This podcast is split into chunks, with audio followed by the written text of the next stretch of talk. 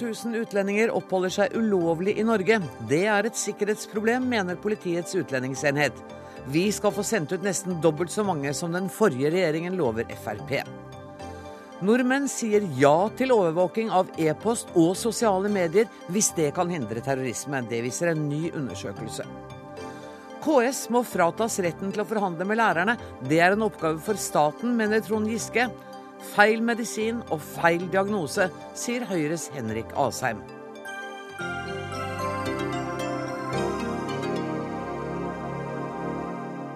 Dette er noen av sakene i Dagsnytt 18 i dag, der vi også skal møte Bent Hamer, som er Norges kandidat til Oscar for filmen 1001 gram. Men først.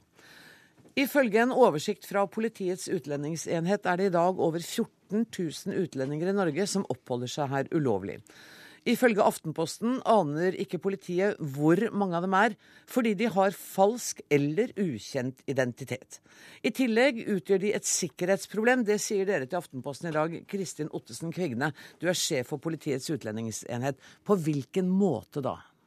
Ja, Det er jo ikke slik at alle disse utgjør et sikkerhetsproblem for Norge. Men det er klart at når vi har så mange personer i landet som vi ikke vet identiteten til, så er det også vanskelig å gjøre en god og begrunnet vurdering av hvem det er som utgjør en sikkerhetsrisiko.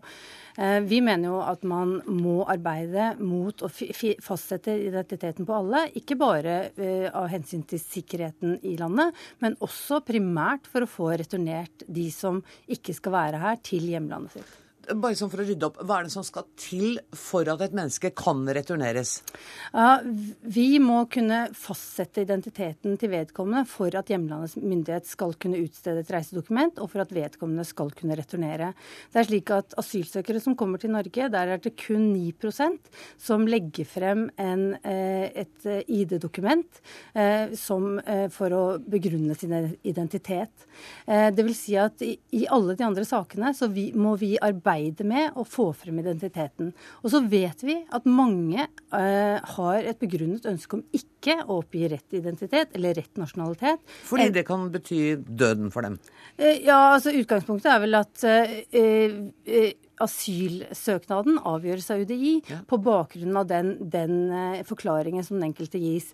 Jeg snakker nå om de tilfellene hvor personen ikke har fått lovlig opphold i Norge og skal returneres til sitt hjemland. Mm. Og vi vet at mange ikke gir rett ID eller nasjonalitet fordi de enten eh, håper å få opphold i landet, eller håper at vi ikke skal kunne returnere vedkommende. Vet dere hvor mange av disse 14 000 er? Er de f.eks. på asylmottak? Ja, vi vet altså noe om disse 14 000. Vi vet at ca. 5000 av de fortsatt er bosatt på mottak, til tross for at de har negativt eh, vedtak og skulle ha forlatt landet. Eh, de øvrige er Dette tallet er tatt fra vårt register, som går langt tilbake i tid.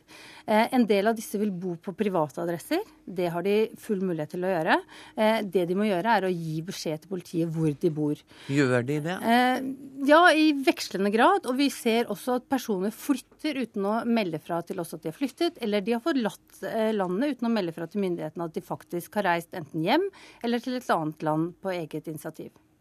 Det høres for meg ut som det 14 000 er et ganske usikkert tall? Det er et usikkert tall. Det kan være flere? Eh, det er neppe flere. Eh, dette her er jo personer som er registrert inn her som asylsøkere med eh, negativt vedtak. Nettopp. Sånn at 14 000 er nok en maks, og så vi nok, ligger vi under det. Hvorvidt det befinner seg personer her som ikke har søkt om asyl ennå, det er jo også uklart. Men hvordan følger dere opp dette? Ja, Vi jobber jo eh, målrettet i forhold til å identitetsfastsette. Vi eh, bruker etterforskningsmetoder. Eh, eh, vi har kontakt med hjemlandets myndigheter for verifiseringer osv. Eh, og vi har jo kommet langt i det arbeidet, lenger enn veldig mange andre land i Europa når det gjelder å returnere asylsøkere med negativt vedtak. Men 14 000 med negativt vedtak høres jo mye mm. ut for oss. Er det allikevel da, ettersom du sier, at vi ligger bedre an enn mm. andre land, er det et relativt lavt tall? Altså I forhold til andre land er det jo et relativt lavt tall, eh, men nå er det jo et stort tall likevel. Mm. Eh, og et tall som på en måte gjør at vi tenker at returarbeidet det må ses i en, i en større sammenheng enn bare politiet. Politiet skal drive tvangsmessig retur, men vi ønsker jo at så mange som mulig skal returnere frivillig.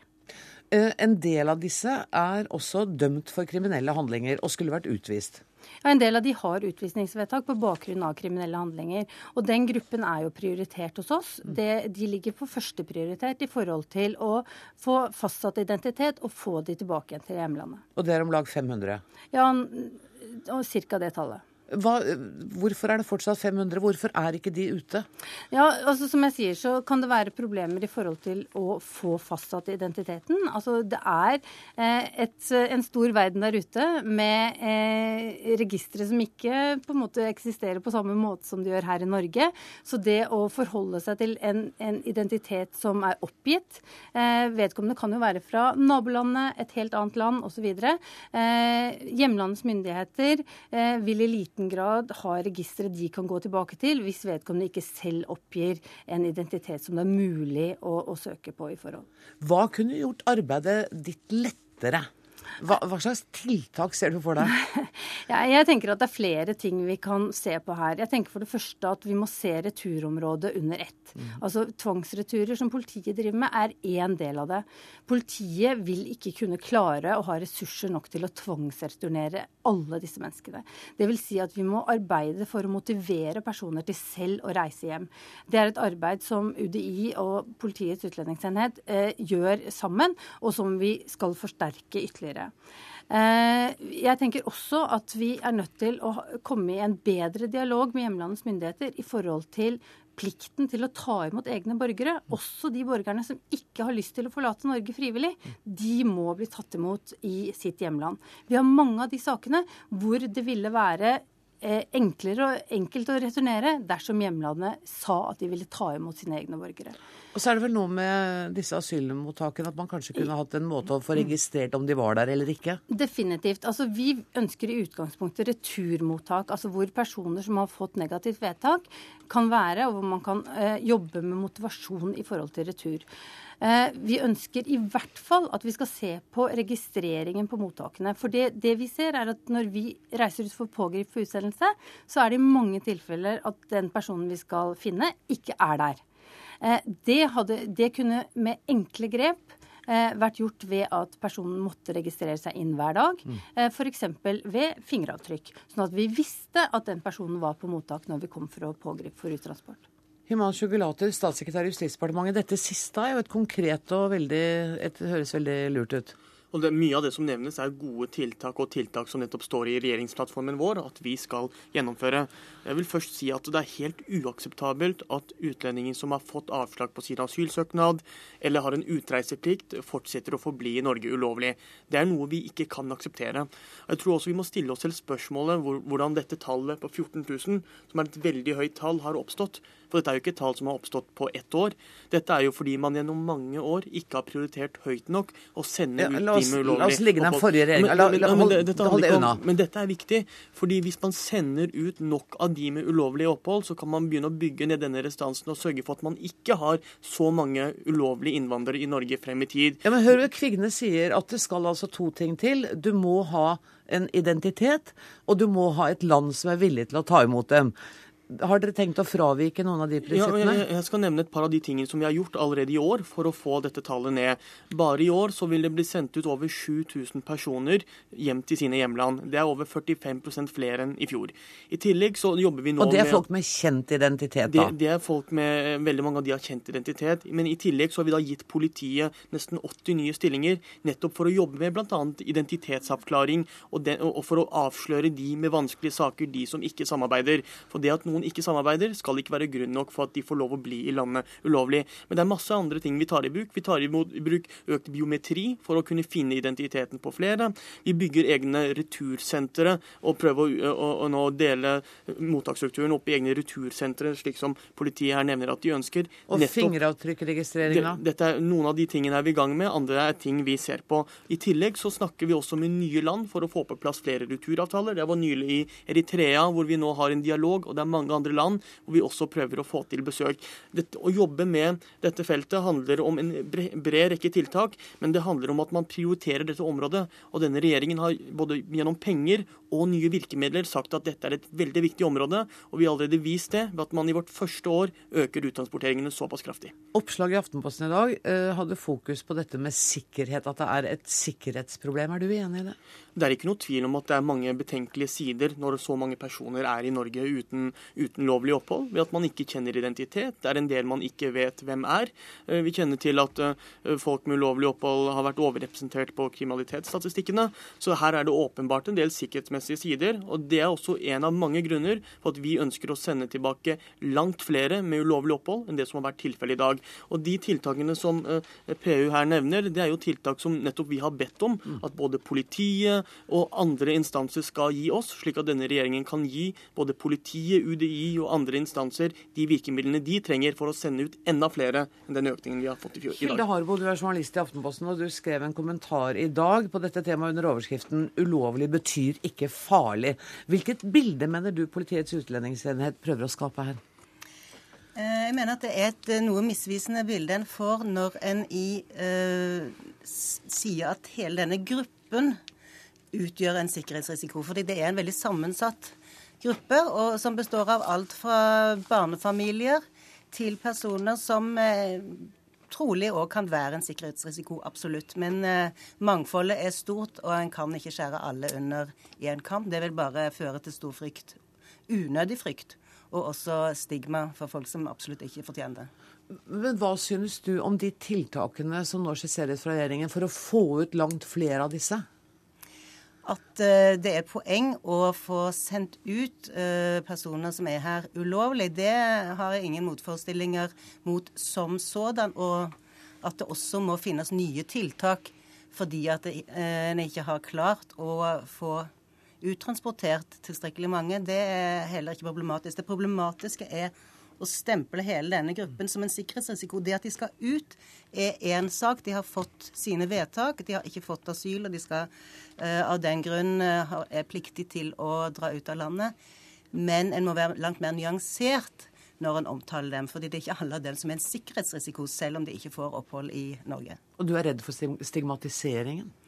Ja, jeg synes at uh, det lett kan føre til stigmatisering dersom en omtaler uh, denne gruppen i samme moment som en òg snakker om en sikkerhetsrisiko. Fordi så unyansert er ikke bildet. Når så mange nekter å oppgi identitet, burde Norge finne løsninger på det og si at OK, vi sender det ut uten uh, en tydelig identitet? Det er for det første ikke mulig, fordi at de landene som de skal sendes til, vil kanskje ikke heller ta imot dem. Mm. Så det, det, er en løsning som ikke ligger på bordet, så vidt jeg kan se. Kvigne, dette her tallet, Nå sier eh, Justisdepartementet her at de skal sende ut 7000. Det kommer jo aldri til å bli null?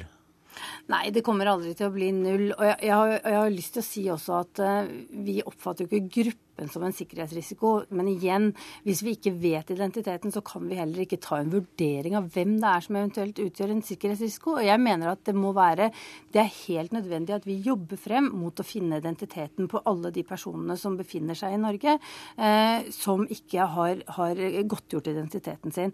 Eh, vi er helt nødt til det, som det sies her, for å kunne returnere. Mm. og vi, vi har også et ansvar overfor, overfor befolkningen for øvrig. Tusen takk for at dere kom i studio, Kristin Ottenes Kvegne, Himanshu Gulati og Hilde Harbo. Dagsnytt 18 alle hverdager klokka 18.00 på NRK P2 og NRK2.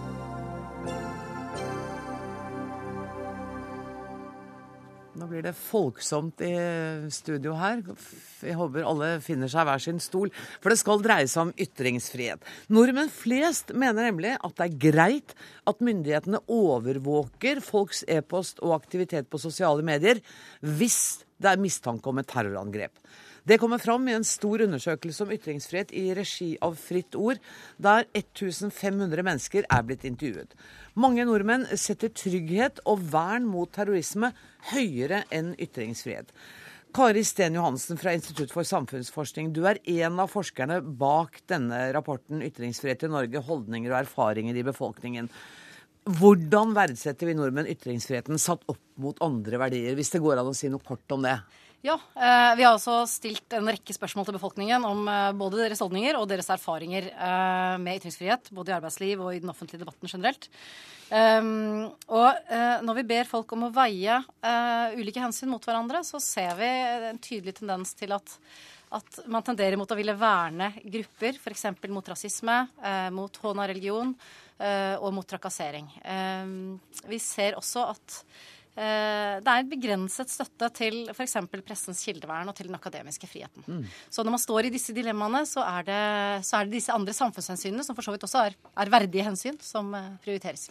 Så hvis, og hvis politiet sier at det er en overhengende terrorfare, så er jeg mer villig til å si at det er helt i orden, dere kan overvåke e-posten min og aktiviteten min på sosiale medier. Ja, Vi har stilt spørsmål om terror eh, spesielt, fordi vi mener at det setter litt sånn på spissen eh, spørsmål som har å gjøre med samfunnssikkerhet versus eh, personlig frihet. Og i forhold til alle de tingene vi spør om, så er det en ganske sånn høy, høy andel som vil gi myndighetene fullmakt til å gripe inn med når det er fare for terror. Og, og knyttet til uh, dette med e-poster og sosiale medier, så sier 68 at uh, man mener at myndighetene bør ha rett til å overvåke folks sosiale mediekontoer, og 62% e-poster. Når gjorde dere disse intervjuene? Disse gjorde vi eh, i vinter, i desember okay. 2013. Så, det har ikke gjort noe i forbindelse den, med Men vi har en undersøkelse ute akkurat nå som vil kunne si mer om det. Å, da må dere komme tilbake og fortelle om det. Men var du overrasket over funnene? Eh, ja og nei. Det er jo Altså, terrorfaren er jo på en måte en, sånn, eh, en, en sterk begrunnelse mm. for at myndighetene må beskytte oss. Og, og 22. juli gjorde jo tydelig for oss at, at uh, forferdelige ting kan skje. Mm. Så, så, i lys av det, kanskje ikke så overrasket. Og det andre er jo også at, at vi vet at over tid så er den norske befolkningen ganske aksepterende i forhold til å gi myndighetene frihet til, til inngripen. Knut Olav Åmås, fersk direktør for Fritt Ord. Hvordan reagerte du på disse funnene? Jeg er nok eh, litt overraska. Det er mange tankevekkende og litt urovekkende resultater her. Etter nesten et tiår med karikaturstrid og debatt om religionsfrihet, og etter etter mottoene om eh, mer demokrati og mer åpenhet, og ambisjonene om å løse de mest ubehagelige problemer i samfunnet i den offentlige sfære, så, så er det litt overraskende resultater at eh, så mange nordmenn eh, har liten tro på den offentlige sfære sin evne til å løse problemene, og, og heller vil ha det inn i rettssalen. For det, det, virker kanskje litt tryggere. Jeg, jeg, tenker også at ja, ja, men altså om de overvåker hva jeg driver med på internett, eh, det er ikke farlig, for jeg gjør ikke noe mm. feil. Tror du ikke folk tenker litt sånn? Jo, og de siste årene, de siste tiåret har mange fått uh, egen erfaring fra sosiale medier uh, og opplevd ubehag på kroppen, kanskje. Det er ubehagelig å være i det offentlige rom, også i sosiale medier. Mm. Så, så, det kan være én uh, mulig grunn til at Eh, til at flere nå slår litt eh, revers igjen. Og også eh, vet vi at, at når det gjelder terrorfrykt, så er det ifølge denne undersøkelsen religiøst motivert terrorisme man frykter mest. Mm. Så, så, det kan være én grunn til at at man vil senke terskelen for hva det er mulig å, å si kritisk om religion. Hva skal man gjøre med det, da? Altså, yt, yt, er det en uopplyst befolkning vi har her? Nei, vi, vi, kan ikke godt ønske oss et nytt, uh, nytt folk. Nytt folk. Men uh, det, altså, ytringsfriheten er jo ingen absolutt uh, størrelse. Altså, Jeg kaller meg gjerne ytringsfrihetsfundamentalist, men ytringsfriheten blir jo utøvd i redaksjoner og i, og i store og små medier hver dag med skjønn og dømmekraft. Mm. Så jeg tror, jeg tror ikke noe på noen sentraldirigerte løsninger eller holdningskampanjer her. Eh, jeg tror på at eh, redigerte medier må redigere enda bedre. Og så må folk som har noe å komme med i sosiale medier, korrigere hverandre, slik at offentlighetene blir eh, både konstruktive og har veldig stor takhøyde. For det er sånn et samfunn oppfører seg rasjonelt, ikke ved å rettsliggjøre konflikttemaer og følsomme emner. Og så må vi snakke om det sånn som vi gjør nå. Ja, for eksempel. Ja. Direktør i Datatilsynet, Bjørn Erik Thon, flertallet mener altså at myndighetene bør kunne overvåke e-post og samle inn data fra sosiale medier. Hva tror du dette er et uttrykk for? Eh, jeg tror det er viktig å se på hvilke spørsmål, eller hvilken kontekst disse spørsmålene er stilt i. Eh, for her har de blitt presentert for et eh, spørsmål der det heter noe sånt som at hvis vi står overfor et terrorangrep, vil du da tillate at e-posten din, telefonen din osv. blir overvåket? Det står helt ordet. Tenk deg at myndighetene hadde mistanke om ja. at et terrorangrep var nært forestående. Syns du da at myndighetene bør ha rett til ja, å sånn? Så det ligger jo en betoning i dette, ikke sant? og det ligger en føring i dette at hvis du lar det overvåke, så vil det ikke skje en terrorhandling. Eh, og det er jo bare et lite stykke på vei sant. For det er jo ikke slik at mer overvåkning i et samfunn, eh, mer kontroll i et samfunn, fører til at vi nødvendigvis får et tryggere samfunn. Eh, vi kan på mange måter få et utryggere samfunn, eh, fordi overvåkning i seg selv kan bidra til å skape frykt. Eh, og vi har enkelte andre undersøkelser som vi har gjort, for vi har også vært opptatt av disse spørsmålene. Vi hadde faktisk en undersøkelse hvor intervjuene ble gjort omtrent samtidig med undersøkelsen eh, deres, hvor vi også prøvde å lodde folks holdninger, men ikke knyttet til en konkret situasjon. Eh, vi hadde lyst til å høre hva slags holdninger, hvordan de så f.eks. på Snowden-saken. Mm. Som jo er interessant også i relasjon til dette. ikke sant? For Snowden-saken det er jo nettopp det dere har spurt om her. Det er overvåkning av telefon og andre ja. ting. Eh, og da er det en, over 40% av befolkningen som mener at det er bekymringsfullt. ikke sant? De syns det er en vanskelig situasjon, og de syns at dette er imot. Vi spurte, 40% av befolkningen? Ja, nå er det så dårlig lys her, så jeg klarer ikke å se, men det er, det er noe sånt. Ikke klage på lyset her nå. Dette er, bra. Da, for oss. og et annet veldig men, interessant men, Hør da, 40% syns at det var bekymringsfullt. Betyr det at 60% syns at det er greit? Nei da, nei, nei. Da, det er noen som mener at det er uakseptabelt. Ja, noen mener okay. det er bekymringsfullt, nødvendig og osv. Ja. Så, så det er ganske mange nyanser. Og I denne undersøkelsen deres også, så er det jo også tall hvor de har spurt helt nøytralt hvor mye nærmest overvåkning du kan akseptere. Og da er jo faktisk de som er overvåkningsskeptiske, i flertall. Det er plan 47 i den undersøkelsen dere har. Og bare for å ta et siste tall. Vi har også spurt om dette med personvern. Det de snakker om i denne undersøkelsen, og det de tallene sier, det er at folk er egentlig ikke opptatt av personvern i en, i en sånn konkret situasjon hvor det er en trussel. Men vår undersøkelse viser at folk i mye større grad enn nå er opptatt av personvern. Eh, de vekter det viktigere, viktigere enn for noen, eller for syv-åtte år siden, og enda viktigere enn for to-tre år siden. Så det er en stor interesse. Så denne undersøkelsen tar feil, da, mener du? Nei, den tar ikke feil. Det er helt sikkert riktig at folk har svart sånn som de har gjort. Ja. Men det er en betoning i spørsmålet. Det okay. er en føring i spørsmålet. Eh, og da tror jeg at folk veldig lett setter likhetstegn når de får dette spørsmålet presentert. At ja, hvis jeg lar meg overvåke, så vil det føre til mer trygghet for meg. Eh, og det hadde vært veldig interessant å spurt mer konkret hva, hva mener folk virkelig at PST, som jo er representert her også, skal få lov til å gå inn og se alt jeg skriver på sosiale medier, alle e-poster jeg sender. Jeg tror ikke engang PST ønsker en sånn situasjon. Ja, men Det skal vi spørre PST om. Jon Fikre Hoffmann, fagdirektør for strategisk analyse, PST. Um, kunne det, hvis, la oss si at dere hadde kapasitet, da. Ville det vært interessant å gå inn og sjekke vår alles e-poster og Facebook-sider? Nei, overhodet ikke. Men dere vil samle inn stordata? Ja, men det har et helt annet formål. Eh, stordata, eh, Å samle inn eh, stordata og, og analysere det, er jo ikke for å finne en enkeltperson. Det er for å se Det kan jo være det òg.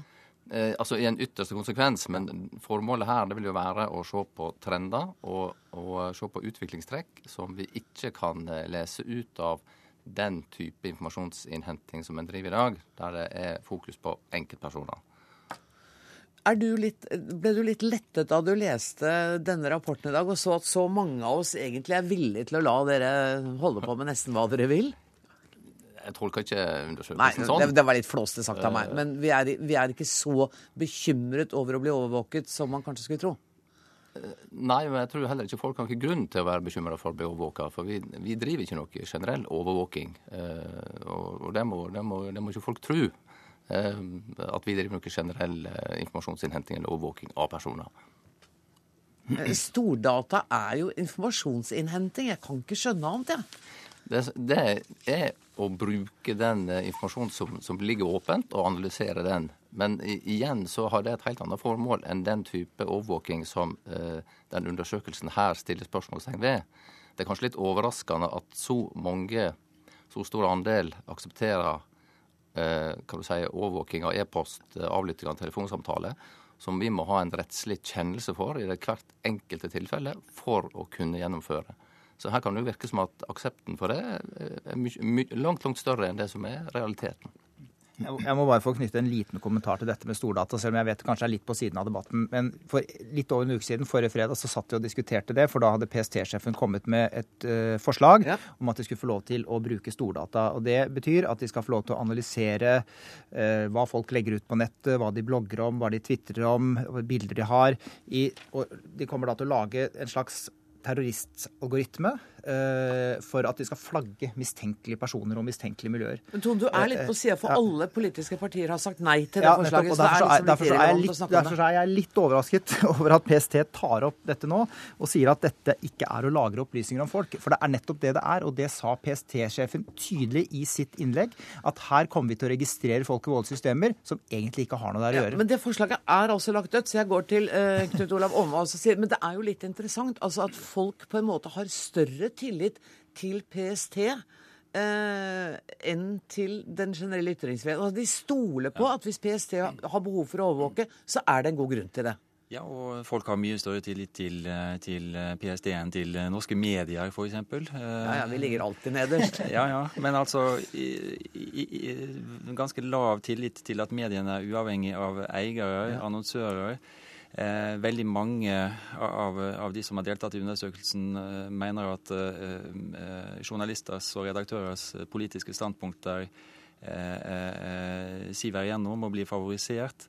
Eh, altså veldig mange punkter der tilliten til mediene er veldig lav, og, og også eh, en veldig grunnleggende manglende tro på at mediene greier å kritisere og sette søkelys på sin egen samfunnsrolle. Og Det tror jeg nok også er en viktig grunn til, eh, til denne svake troa på ytringsfrihet som, som, undersøkelsen eh, viser. Men det er jo også en utfordring som vi mener må ta, da? Ja, ja. Har du noen, du noen forslag. Det er heldigvis ikke min jobb. Amine Kierulf, hvordan skal vi se på eh, denne undersøkelsen? Eh, nei, det, hvis man skal ta alle funnene face value, så er det jo eh, veldig nedslående, dette.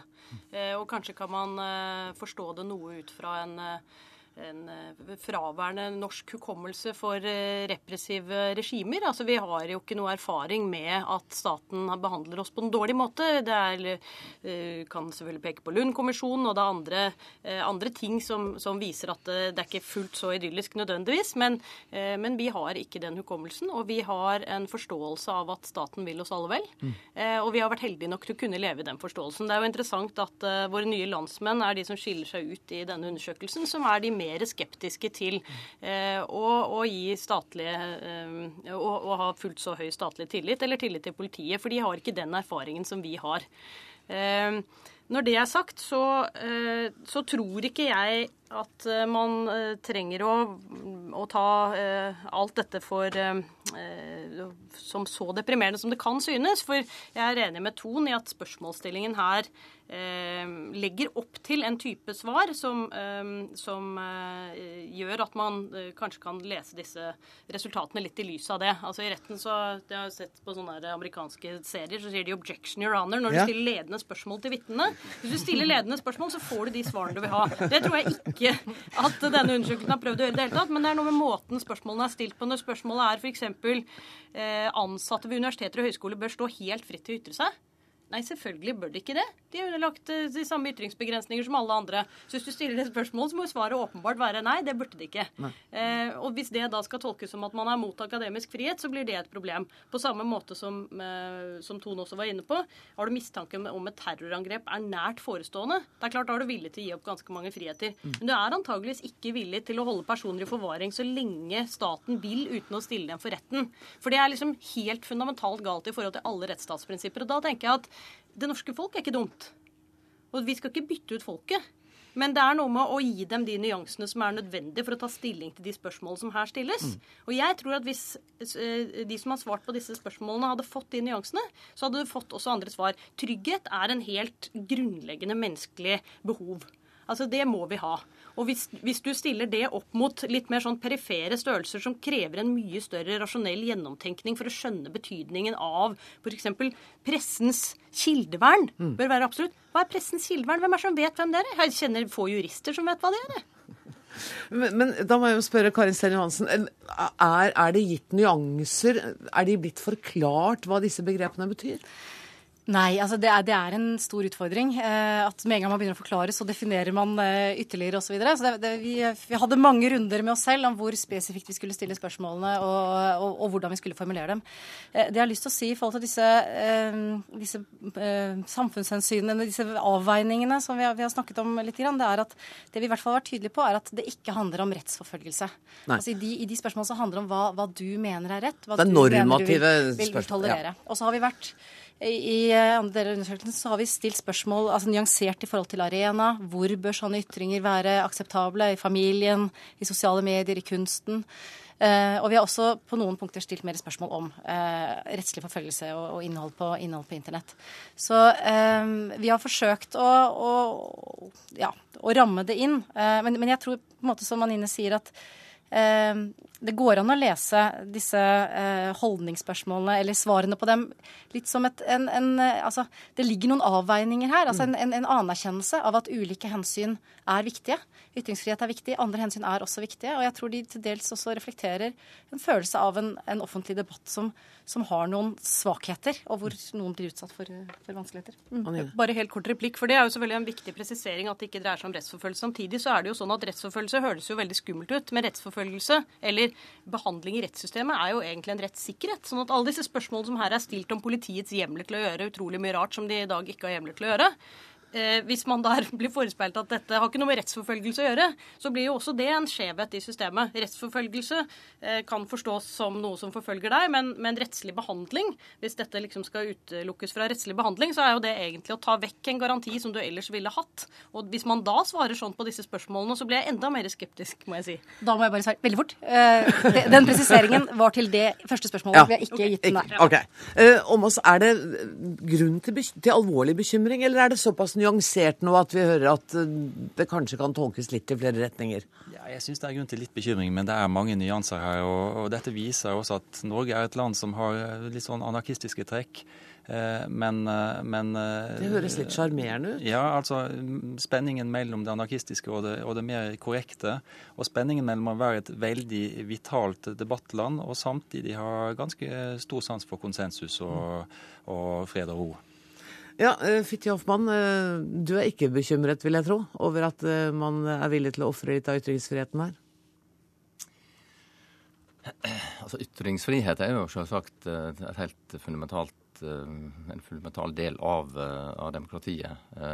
Men jeg, Nå har ikke jeg finlest denne rapporten her, men jeg, tolker det heller ikke sånn at, at dette her er en hva skal jeg si, en en farlig tendens, eller at her man begynner å finne svaret på spørsmålsstillinga, og at spørsmålet er feilstilt for at eh, svaret her er blitt litt feil. Jeg ser ikke noen grunn til, til bekymring der. Eh, det som, som, jeg ser på som kanskje viktig her, er at, at det norske samfunnet fortsatt er veldig prega av hva skal jeg si, tillit.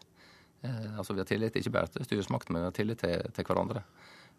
Og sammenlignet med andre land så, så ligger en vel også ganske godt an eh, når det gjelder eh, det å verne om både ytringsfrihet og ha tillit til styresmaktene. Så kombinasjonen her er, er, kanskje ikke så aller verst likevel. Og du ser ikke de anarkistiske trekkene som Åmås ser? Det er sjarmerende anarkistiske trekk. Jeg aner det. jeg aner det. Ja. Du aner det. Ja. Tone, helt kort til slutt. Altså det, det, begynner jo å bli ordentlig skummelt, dette her, hvis man begynner å lage politikk på grunnlag av dette. Altså At man ser at her er det en aksept i befolkningen for mer overvåkning, og så begynner man å lage en politikk eh, på grunnlag av det. At man begynner f.eks. å eh, vedta forslag om stordata og andre forslag som stadig vekk kommer. For da kan vi få det som vi har vært redd for, og som vi også har målt i vår undersøkelse, nemlig om du kan få en nedkjølende effekt ikke bare på den offentlige debatten, det er alvorlig, men også på folks dagligdagse gjøremål. Altså Vi er helt avhengig av at folk har tillit til at de kan kommunisere fritt på telefon, SMS, e-post, hva det måtte være, uten at noen ser inn i kortene. Og den dagen liksom kommer at folk ikke tør å bestille psykologtime lenger, eller ringe til en venn som har sittet i fengsel, da er eh, vi kommet altfor langt vekk. Og det er ganske langt unna den politiske virkeligheten i Norge også? Det er det akkurat i dag, men dette er noe som kommer smygende, og dette er noe som kommer snikende. Eh, og terrorbekjempende tiltak, de kommer skritt for skritt. Og da kommer du tilbake for å advare oss om det. Tusen takk for at dere kom til Dagsnytt 18. Kari Sten Johansen, Knut Olav Åmås, Bjørn Erik Thon, Anine Kierulf og Jon Fitje Hoffmann.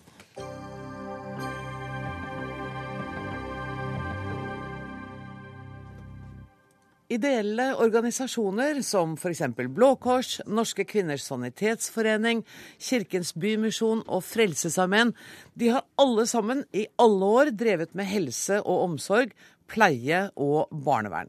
Nå frykter LO og Virke for deres framtid hvis disse organisasjonene må konkurrere på lik linje med kommersielle aktører. Det er NHO som i et brev til regjeringen i våres ba om å få en åpen konkurranse mellom kommersielle selskaper og organisasjonene.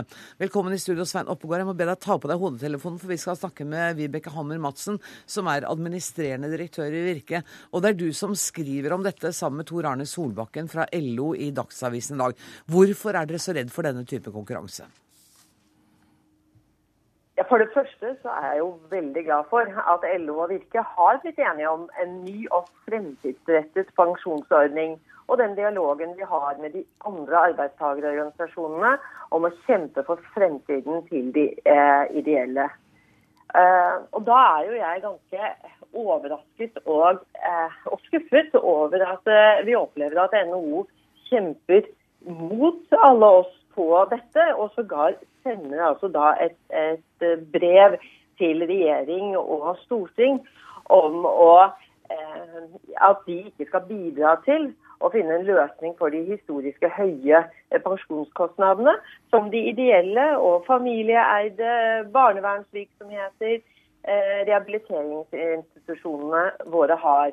Og eh, Realiteten er jo at dersom vi ikke gjør noe med disse pensjonskostnadene, så vil det bety kroken på døren for mange av våre folkekjære aktører, som jo da lenge har jobbet med å hjelpe i, eh, i Norge. Og det er akkurat disse aktørene som eh, bærer en urettferdig tung pensjonsryggsekk. Og vårt forslag nå eh, ved denne nye pensjonsløsningen, ny tariffavtale, og at mm, regjering og skal bidra til å løse de historiske kostnadene, vil gjøre at de ideelle kan stille på lik linje eh, i konkurransen om, eh, om å hjelpe i Norge som de kommersielle og de offentlige.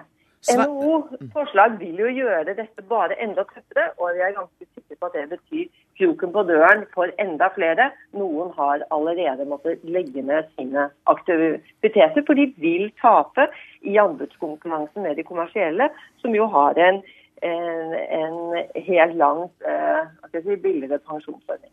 Svein Oppegård, du er direktør for arbeidslivet i NHO. Hvorfor vil dere ødelegge for de ideelle organisasjonene?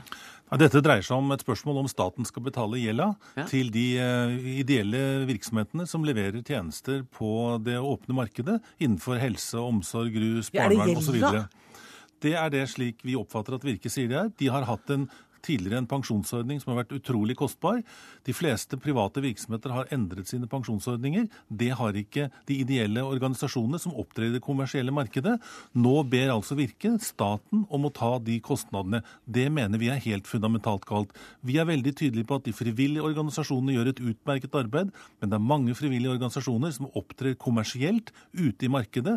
Da må det være like vilkår, det må være like anbudsregler, og de kan ikke være slik at noen får betalt gjelda si av staten. Det er ikke det fellesskapets midler skal brukes til. Men at de har disse pensjonsordningene, det, det er de forpliktet til i forhold til de folka som jobber der, ikke sant. Sånn at da, da vil de jo kunne rett og slett gå konkurs hvis de ikke uh, får noe støtte fra staten? Det er mulig dette er overraskende for Virke, men for oss som organiserer næringslivet, så har dette vært en diskusjon over mange mange år. Veldig mange av våre medlemsbedrifter har jo nettopp endret pensjonsordning til innskuddsbaserte ordninger fordi de ytelsesbaserte ordningene er altfor kostnadskrevende, de er altfor uforutsigbare, og de representerer en økonomisk ryggsekk som man ikke dør. Derfor har man endret eh, innretning på pensjonsordningene. Det burde man gjort uten å be staten om å betale gjelda. Vibeke Hammer Madsen, kunne ikke de ideelle organisasjonene ha modernisert sine pensjonsordninger slik som de kommersielle selskapene har gjort? Ja, men nå snakker jo Oppegård mot seg selv. Han vet jo også veldig godt at eh, disse pensjonsordningene det er noe de ideelle har eh, måttet akseptere fra det offentlige da eh, de i, for mange mange år siden gjorde sine eh, driftsavtaler, avtaler med de offentlige, for å levere helsetjenester da på lik linje med det offentlige. Dette er aktører som er en del av det offentlige systemet, og ikke et supplement. Og som en del av så var det krevet at de også da hadde helt like lønns- arbeidsvilkår som i det offentlige. Men det er mange år siden. En, ja, men dermed ble dette som en del av en tariffavtale. Og det å håper å tro at man ensidig kan endre en tariffavtale. Ja, Nå har vi jo hatt en uh, streik med lærerne i lang tid, og vi vet at det å endre denne type tariffavtaler Og så har det jo faktisk også vært slik at man at det har fortsatt vært ønsket fra oppdragsgiver, altså da de offentlige, at de ideelle som en del av skulle ha like lønns- og arbeidsvilkår. Og Derfor så, eh, så sitter jo nå de offentlige med en urettferdig tung pensjonsryggsekk eh, i da konkurranse med de kommersielle.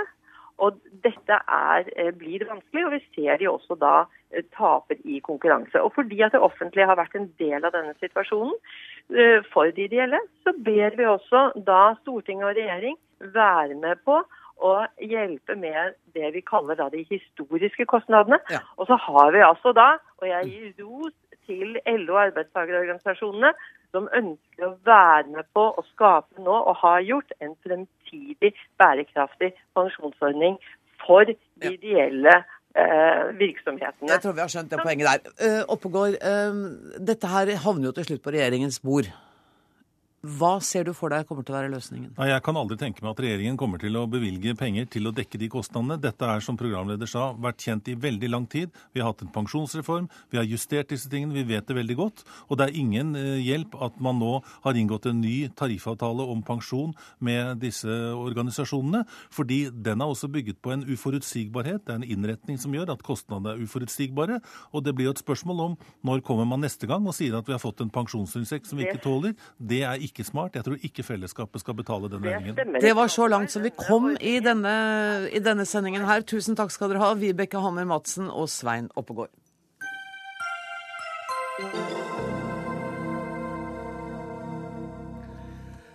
Lærerstreiken har vist oss at KS er en dårlig forhandlingspart for lærerne. Det sier utdanningspolitisk talsmann i Arbeiderpartiet Trond Giske til Aftenposten i dag. Under streiken var det flere kommentatorer som stilte spørsmål ved om staten burde ta tilbake ansvaret for å forhandle med lærerne, slik det var fram til 2004. Og nå gjør du det samme, Trond Giske. Hvorfor skal ikke KS forhandle? Jeg sier i hvert fall at vi må ta den eh, diskusjonen. Eh, for det første fordi at jeg mener at den konflikten vi har bak oss eh, var veldig skadelig for norsk skole. Ikke bare har mange tusen elever mista verdifull undervisning, men tilliten mellom lærere og skoleeiere er på et bunnivå. Og hele konflikten endte opp omtrent der vi var da vi eh, starta. Sånn kan vi rett og slett eh, ikke ha det. Vi trenger entusiastiske, positive lærere, og vi trenger et godt samarbeidsklima. Men den andre grunnen er at jeg tror kanskje at eh, hvis staten var motpart sånn som vi var før, eh, så kan man se alle de virkemidlene som skaper en god skole, i sammenheng. Tariffavtalen og arbeidstidsavtale er én av faktorene som avgjør hvordan lærerne bruker arbeidstida si. Men veldig mange andre ting, som læreplaner, eh, timetall, eh, regler for evaluering, eh, dokumentasjon osv., påvirker også lærerens arbeidstid. Og Hvis du kan se det som en helhet, så tror jeg det er lettere å skape en god skole. Men ser du ikke en fare for å sause alt dette inn i forhandlinger? Eh, altså alt med rapportering, evaluering, eh, sammen med arbeidstidsforhandlingene. Blir ikke det et veldig stort rot? Jo, jeg sier jo ikke at uh, man skal forhandle om disse tingene, men man kan se det i en sammenheng.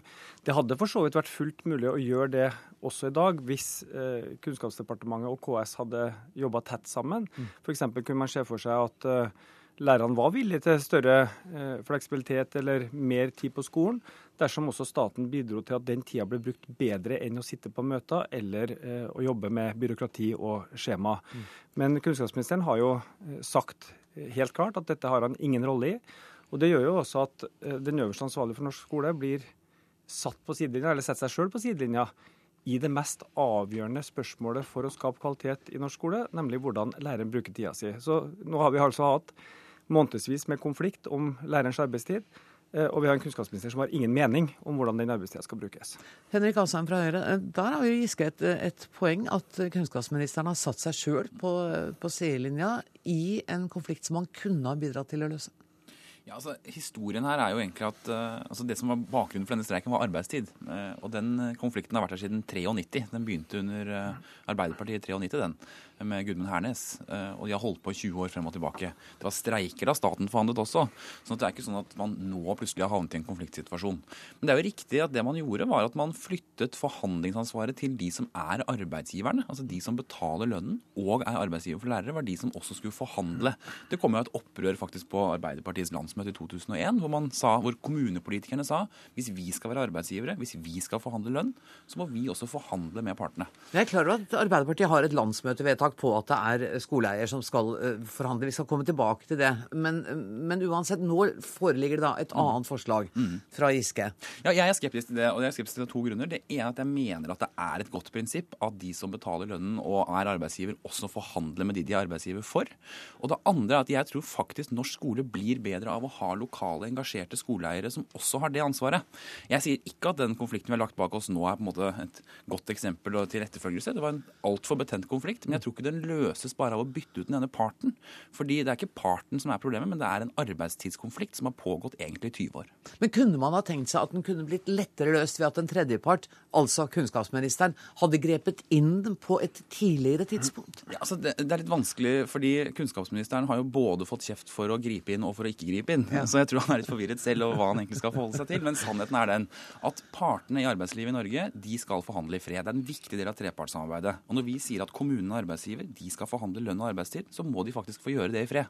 Men så har jo kunnskapsministeren både engasjert seg opp mot partene, han har satt ned et tidstyvsutvalg som skal finne disse tidstyvene. Vi gjør mye på etter- og videreutdanning hvor staten tar en større del av den regningen som kommunene før fikk. Man kan drive nasjonalpolitikk selv om kommunene er arbeidsgivere. Men det helt viktige her er jo å gjenopprette tilliten. Eh, og, og, hvordan gjør man det? da? Gjør man det ved at staten går inn og er forhandlingspart? Man gjør det i hvert fall med å unngå eh, en så tilspissa konflikt som det har vært nå. og En del av dette skyldes jo bl.a. hvordan KS-lederen Høyres eh, Gunn-Marit Helgesen har opptrådt i, en veldig sånn tilspissa diskusjon, bl.a. i dette studioet opp gjennom hele vinteren. Eh, det kan man gjøre med å skifte personell, men man løser ikke den grunnleggende konflikten mellom det staten gjør og det kommunen gjør for å skape en god skole.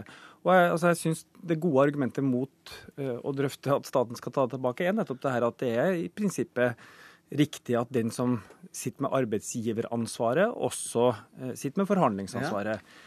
På den andre side så var det jo ikke sånn før. Da jeg sjøl satt som utdanningsminister i 2001, så hadde vi forhandlingsansvaret, mens kommunene var arbeidsgiver. Da fikk vi til en stor lærerpakke som innebar at lærerne tok på seg noe mer undervisning, men fikk mer fleksibel arbeidstid og fikk et lønnsløft på 50 000. Det skapte en helt annen stemning rundt norsk skole. Den type grep eller pakka er det veldig vanskelig å få til nå. Og ja, det er kommunene som betaler lønna, men til sjuende og sist er det jo staten. Men hvorfor er det vanskelig å få til en sånn pakke nå? da? Hvorfor kunne ikke KS ha kommet med en sånn pakkeløsning? For det første så har jo ikke KS de samme økonomiske musklene som eh, staten. De vet jo ikke hvilke type kommunerammer de eh, skal operere innenfor eh, i årene som kommer. Men for det andre så er det altså mange av disse rammene som staten bestemmer. Jeg mener det hadde vært mulig for kunnskapsministeren å sitte seg ned med partene og fått til den type løsninger også i dag, og med forhandlingsansvaret hos KS. Men når han da så prinsipielt holder fast på at dette har han ingenting med, så må vi da også ta diskusjonen om vi heller bør flytte forhandlingsansvaret. For vi kan ikke ha det sånn at vi som nasjonale politikere skal skape masse forventninger hvordan skolen skal bli. Høyre gikk jo til valg på at lærerne skulle ha mer fleksibel arbeidstid. Og så opplever da 60 000-70 000 lærere at det stikk motsatte skjer. Da blir det et gap mellom forventninger og realiteter som skaper veldig stor frustrasjon hos dem som skal skape en god skole, nemlig den enkelte lærer i det enkelte klasserom. Det vanskelige er, altså Jeg mener at kommunene i større grad enn i dag bør engasjere seg i dette. Altså jeg tror Noe av det vi så nå, var et KS som forhandlet på et mandat som 8% av kommunene hadde stemt over. Altså det er klart det blir vanskelig å forankre det ute, men det er jo ikke løsningen eh, som Arbeiderpartiet nå lanserer, nemlig å koble kommunene helt av. Løsningen er at de må bli flinkere til å engasjere seg i dette som arbeidsgivere. Og så mener jeg at ute i kommunene, ute hos ordførere, de som styrer skolen ute, så skjer det fantastisk mye bra. Vi må ikke nå snakke ned den innsatsen som gjøres av skoleeierne der ute. Men den konflikten vi har sett mellom KS sentralt og Utdanningsforbundet sentralt, som også var en konflikt hvor det gikk masse prestisje på begge sider, den var jo ikke god. Og det er ingen som trenger å eh, argumentere for, men det løses ikke av at altså, Vi husker jo Hernes må fjernes, husker jeg det gikk på skolen. Ja, ja, og det var streik og bråk og masse sånn. Så det er jo ikke sånn at bare du kobler på staten, så liksom løser alt seg. Det er det jo ikke. Nei, det er ikke sånn at det her er noen uh, quick fix. Men, og jeg er helt enig også at den gode skolen skapes på hver enkelt skole. Men det du har fått nå, er jo at nå skal 420 kommuner forhandle fram en avtale med lærerne, eller helt ned på den enkelte skole. Om det gir noe mindre byråkrati og mer tid til læring, er jeg også veldig usikker på. Så vi må se skolen i sammenheng, og vi må skape overensstemmelse mellom de fine ordene om skole, om satsing på skole og mer kunnskap, og den realiteten den enkelte lærer opplever i sin arbeidshverdag. Det er bare det som skaper eh, bedre læring for elevene. Tusen takk for at dere kom, Trond Giske og Henrik Asheim. Hør Dagsnytt 18 når du vil. Radio NRK Radio.nrk.no.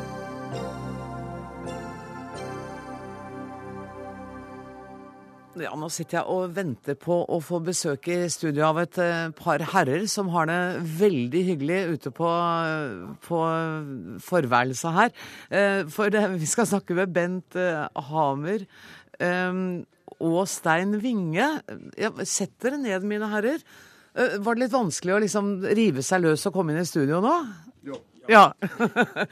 Vi skal snakke om filmen 1001 gram, som i dag er altså kåret til Norges kandidat til Oscar-filmen for verdenspremiere på filmfestivalen i Toronto eh, nå på søndag. Og her hjemme har den premiere 24.9. Eh, Bent Hammer, gratulerer. Tusen takk. Åssen har denne dagen vært? Den har vært uh, veldig hektisk, men hyggelig hektisk. Det er tredje gangen du er nominert? Du vet liksom Du kan drillen nå? Nei, altså hva skal jeg si. Det er jo en uh, Det forventes jo noe av deg da, når du skal jobbe for filmen i Amerika for denne gruppen med 500 utenlandske journalister. Det gjør det. Så det tror jeg ikke har endra seg så mye. Så du må til USA og promotere filmen din? Ja, man må nok det og godsnakke litt med den ene og det andre. Og det er lobbyvirksomhet, og det er alt det vi liksom ikke syns er så OK, kanskje. Men forhåpentligvis så har det mest å gjøre med filmen. Men alt det andre, det, det må man faktisk ta med. Men uansett hva som skjer videre i nominasjonsprosessen, så er du altså kåret til, som Norges kandidat til Oscar. Det må jo være helt utrolig deilig? Ja da, det er eh, det, det Ikke vær sånn nedpå nå. Det er jo Ja, jo, jo, jo. jo men, og det er mange andre fine, fine, flotte filmer og det ene ja. og det andre, så selvfølgelig er det det. Jo. Eh, kan du si veldig kort hva eh, filmen handler om? Jeg så en liten trailer, og da, da tenkte jeg et av spørsmålene jeg må stille deg, er hva veier kjærlighet? Ja, det er jo store spørsmålet, kanskje. da, Det må vi legge på vektskåla hele tida, tror jeg, for å, for å vite det og, og, kjenne på det. Og det er jo litt av bakgrunnen til filmen nå. jeg tror også mye det at menneskene har behov for uh, noen referanser. Vi er redd for døden, vi vet ikke hva er evigheten er, osv. Og, så og vi er liksom barnslige mange ganger der. Det er det sånn eller er det sånn? Det er liksom sånn vi er skrudd sammen. Eh, så det på den ene sida, og så er det da Det er jo det ene grammet som er interessant, det er jo ikke de tusen. Og det er jo det jeg prøver å si noe om. Også i en setting som er eh, hvor man jakter på noe mer eksakt, så forsøker jeg å vise et, et eh, hva skal vi si, et mer organisk liv på sida, eller sammen med det, som jo Ane Dahl Torp, som spiller hovedrollen, gjør. Hun er forsker? Hun er det òg. Jeg hørte hun hadde uttalt til en annen journalist at hun hadde ikke nølt lenge med å si ja til tilbudet fra deg. Nei, altså det, er, det kom en veldig rar historie opp fordi eh, kona mi Ellen satt i en taxi sammen med Ane i Haugesund for mange år siden. Og da sa Ane at eh, du, kan du ikke få han mannen din til å lage en film med kvinnelig hovedrolle en gang? Det skal jeg fikse, sa Ellen. Og tenkte vel ikke så mye mer på det. Eh, og så da skjedde jo akkurat det. Mm. Så det, det, det gikk troll i jord. Og det blei Ane. Det er jo helt tilfeldig på mange måter, men kanskje ikke. Og en annen sentral rolle i filmen har du, Stein Inge. Ja, spiller faren din, da. Åssen har det vært? Jo, kjempespennende. Ja. Så øh, det er første gang jeg jobber med han. Jeg har Ja. ikke vært så mye skuespiller. Men, Bare lat som han ikke er her, og så fortell Ja. meg hvordan det var å jobbe med han. Ja, nei, altså, Det som var fascinerende Jeg er jo instruktør selv. Ja, jeg vet jo det. Så, ja, du vet jo det. Så, så det er alltid spennende. For dette, men, men det som var fascinerende, var at øh, han Vi ble helt avslappet. Altså, han, han, han er veldig presis og veldig klar på hva han vil, men samtidig får han til å føle at vi kan gjøre håper jeg, som vi vil. Hvilket vi ikke gjør, for han vet hva vi skal gjøre. Så det er en blanding sånn så det er veldig, veldig Man blir trygg, og så får man konsentrert seg. Og eh, han hjelper deg, puffer og, og sier fra. Men altså veldig streng også, uten at det blir noe annet enn helt stille. Jeg føler at Bent Hamer er en svært stille og klok mann. Jeg er ikke så stille. Nei, det var det jeg tenkte. var- Det var mitt, neste spørsmål. Så de, Så det var en påkjenning, kan du si. men, var det, men ble det litt sånn eh, Braka dere litt sammen Nei, med det temperamentet ditt? Nei? Overhodet ikke. Nei. nei. Nei ble, du, kanskje du ble litt lam du òg? Litt snilt lam? Ikke sant? Man gjør så godt man kan. Og det holder vel da, Bent Hamer? Nei, du skal, jo ha, du skal jo ha noe, men eh, det er sikkert vidt forskjellige måter å, å jobbe på. Men det var jo veldig hyggelig sagt av Stein, det, da. Men eh, ja, man skal jo et sted, og så er det sikkert flere måter å, å, å gjøre det på. Jeg husker Ulf Wengård var med i Egg. Så Bent, bare fortell meg hva jeg skal gjøre, du. Så ordner det seg. Var det litt sånn med, med Stein Winge òg? Nei, vi prata ikke så mye. Jeg tror, jeg tror vi liksom hadde et forhold til det som Jeg veit ikke hvor mye. Det er liksom mye igjen i imell liksom, Det er jo ikke bare det du akkurat sier om det du skal gjøre. Det er jo mye annet enn sier som, som hjelper til å, å skyve i rett retning. Ja, og forstå hele situasjonen og personen. altså Man kryper jo inn i Ja, gjør man det?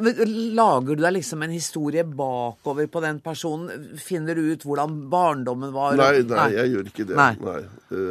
Men men man, likevel så går man inn i, i, i figuren og prøver å finne Uten at man liksom analyserer alt. Nei. Så hjelper jo teksten deg veldig, og jeg ser også hvordan Ane spilte. Altså, jeg mener eh, Det er motspillet som Ja. også gjelder, liksom. Og jeg skulle gjerne hatt Ane her, men hun er i Danmark i dag, er så hun ja. får jo ikke være med på feiringen. Skal dere, skal dere feire dette her på noen måte? I dag har det bare vært jobb, og det er, det er jo ikke klart enda, så jeg tror vi får ha det til gode til, til premiera. Men hvem er det som reiser til eh, Altså hvis dere nå skulle bli nominert? Det har jeg ikke tenkt så mye på ennå. Ikke ljug, da. Det er klart du har tenkt over det. Du har Nei, tenkt over har ikke- ja, jeg har tenkt at jeg drar, da, Ja. i hvert fall. Men, Jeg- eh, melder meg, Ja. Du- du melder deg, ja. Det er sikkert ikke vanskelig å få med folk til det, men det, det ligger jo langt, langt fram i tid. Det, ja, var det telefonen din som eh, ja. Det er vel flere gratulasjoner, da? Ja. Du kan lese den høyt hvis du Nei, du skal slippe det. Uh, Stein Inge, det å jobbe uh, som skuespiller på lerret igjen Ja. Hvor, hvor mye må du gå ut av regissørjobben din? Hvor Ja. annerledes er det? Vet du, Den er ikke der. Nei. Altså, jeg velger, Hvis jeg holdt på med Koselig med peis, så hadde de hatt møte før jeg begynte, hvordan de skulle takle meg hvis jeg ble vanskelig. Men jeg vanskelig. Jeg hadde nok med å, å gjøre jobben, liksom. Så det er man jeg, jeg har ikke noe problem med det. Jeg er ikke instruktør da. Og da, er- Og da klarer du å legge det vekk? Ja, ja, jeg gjør det. Og Du går ikke til de andre skuespillerne og sier at Bent Hamer, der, der har han ikke noe, veit han ikke hva han driver Nei. Det er ikke interessant. Jeg blir da for så vidt egoistisk og prøver å gjøre rollen min så godt jeg kan. Og går ned og, og, og lytter, hører og eh, tar imot regi. I den grad jeg klarer det. Hvor vanskelig har det vært å jobbe fram denne filmen med, som er et ganske sært utgangspunkt? Dette ene grammet som du er opptatt av? Jeg vet ikke om det har vært noe vanskeligere enn de andre filmene. Man, liksom Hver film har sin vanskelighetsgrad på mange måter. Eh, så det syns jeg er veldig vanskelig å si om denne har vært vanskeligere enn noen annen film. Det, det syns jeg kanskje ikke, altså. Vet du hva, Jeg skal bare ønske deg veldig god tur til Toronto. Eh, hvor den skal vises. Er det på søndag? Ja, det er det. Ja. Og så er det storpremierer i Norge den 24. september. Tusen takk for at dere kom i studio, Bent Hammer og Stein Winge. Bare sitt her. Jeg skal bare forte meg å si at ansvarlig for sendinga i dag var Alf Hartken. Det tekniske ansvaret har Karl Johan Rimstad. Jeg heter Anne Grosvold, og vi høres i morgen. Takk for nå.